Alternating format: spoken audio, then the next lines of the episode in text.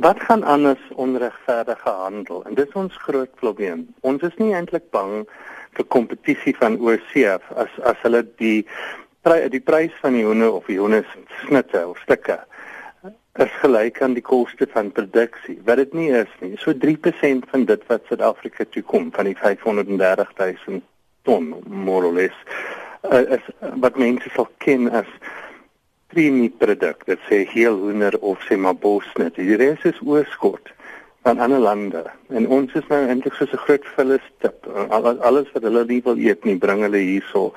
Hulle gee vir ons teen verkeerde pryse. Dis die probleem eintlik. Hoeveel produseer ons op die oomblik? So 1.5 miljoen ton moreless. En hoeveel verbruik ons? Ehm um, alles, want ons voer min uit. Ons voer klein bietjie uit na ons buurlande, maar hoofsaaklik is, is ons produksie vir plaaslike gebruik. So om en by so kwart van van die produk van die verbruik is nou van invoere af. Kyk, ons is die grootste gebruiker van sojabone. So 90% van dit gaan aan die honderbedryf toe. Ons is die tweede grootste gebruiker van mielies na mense. So as ons nie groei nie, as ons eintlik verklein wat nou gebeur, dan verklein die groeipatroon vir die mielie en sojaboonbedrywe ook. So meer is net ons is hier betrokke. Die insetkostes, het ons baie duurder insetkostes as ander lande of of hoekom is die kostes net soveel meer? Wel, Want dit hang van land tot land. As jy kyk na soos die Europese lande, lande, ons kan 'n geslagte heel hoender produseer vir so tussen 50 en 70% minder as wat hulle kan produseer. Want ons is on, ons kostestruktuur is laag. Hulle sê en ons is baie goeie boere. Ons kostestruktuur is effens hoër as die van die FSA en 'n bietjie meer ehm um, 'n bietjie hoër meer hoër as ehm um, teenoor Brasil. En die rede daarvoor is ons betaal gemiddeld uh, families en versoeibone meer as wat die Brasiliaanse kleinveeboer of die Brasilia die Amerikaanse kleinveeboer sou betaal. Maar hoekom so? Wel twee redes.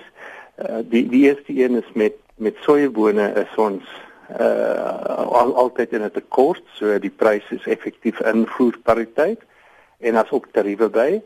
En met die mielies is eintlik hoe die SAFEX stelsel werk. So vergeet net van die droogte, want daar was 2 jaar se droogte en almal het swaar gekry. Alles het 'n goeie jaar betaal ons meer. Wat gebeur in Suid-Afrika en ek praat nou net van 'n hoë oogpunt af, is dat ons gebruik meer arbeiders as ons mededingers in ander lande. Dan dan dit maak nog vir ons sin om meer arbeid aan te pak en en behalwe om te mekaniseer in plaas van om te mekaniseer.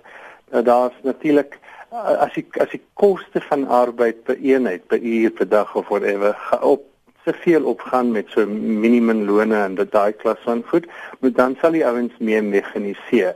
Maar in Suid-Afrika, ek dink is goed dat daar meer mense betrokke betrokke is as dat hulle by die huis sit en niks doen. Landbou histories is is 'n baie ongelyke speelveld in terme van internasionale handel. En hoekom? Want meeste lande wil goed na hulle boere sorg. Hulle is hulle is bang diep uh, nie fisies bang nie, maar hulle is sielkundig bang dat dat as hulle nie eintlik vir hulle self kan sorg nie, gaan hulle sukkel. So dis daar's baie baie verskillende beskermingsmaatreëls en daar's baie beskerming spesifiek in die ontwikkelde lande waar hulle nog genoegsaam geld waar hulle kan eintlik hulle boere subsidieer. En dis waar die probleem vanaf kom. Ons gaan nooit die groot ouens sê, "Jammer meneer, julle dra julleself nie reg nie. Julle moet nou bietjie nou maniere leer en beter be ehm um, en beter behave. Hulle gaan dit nie so doen nie. Mm, mm.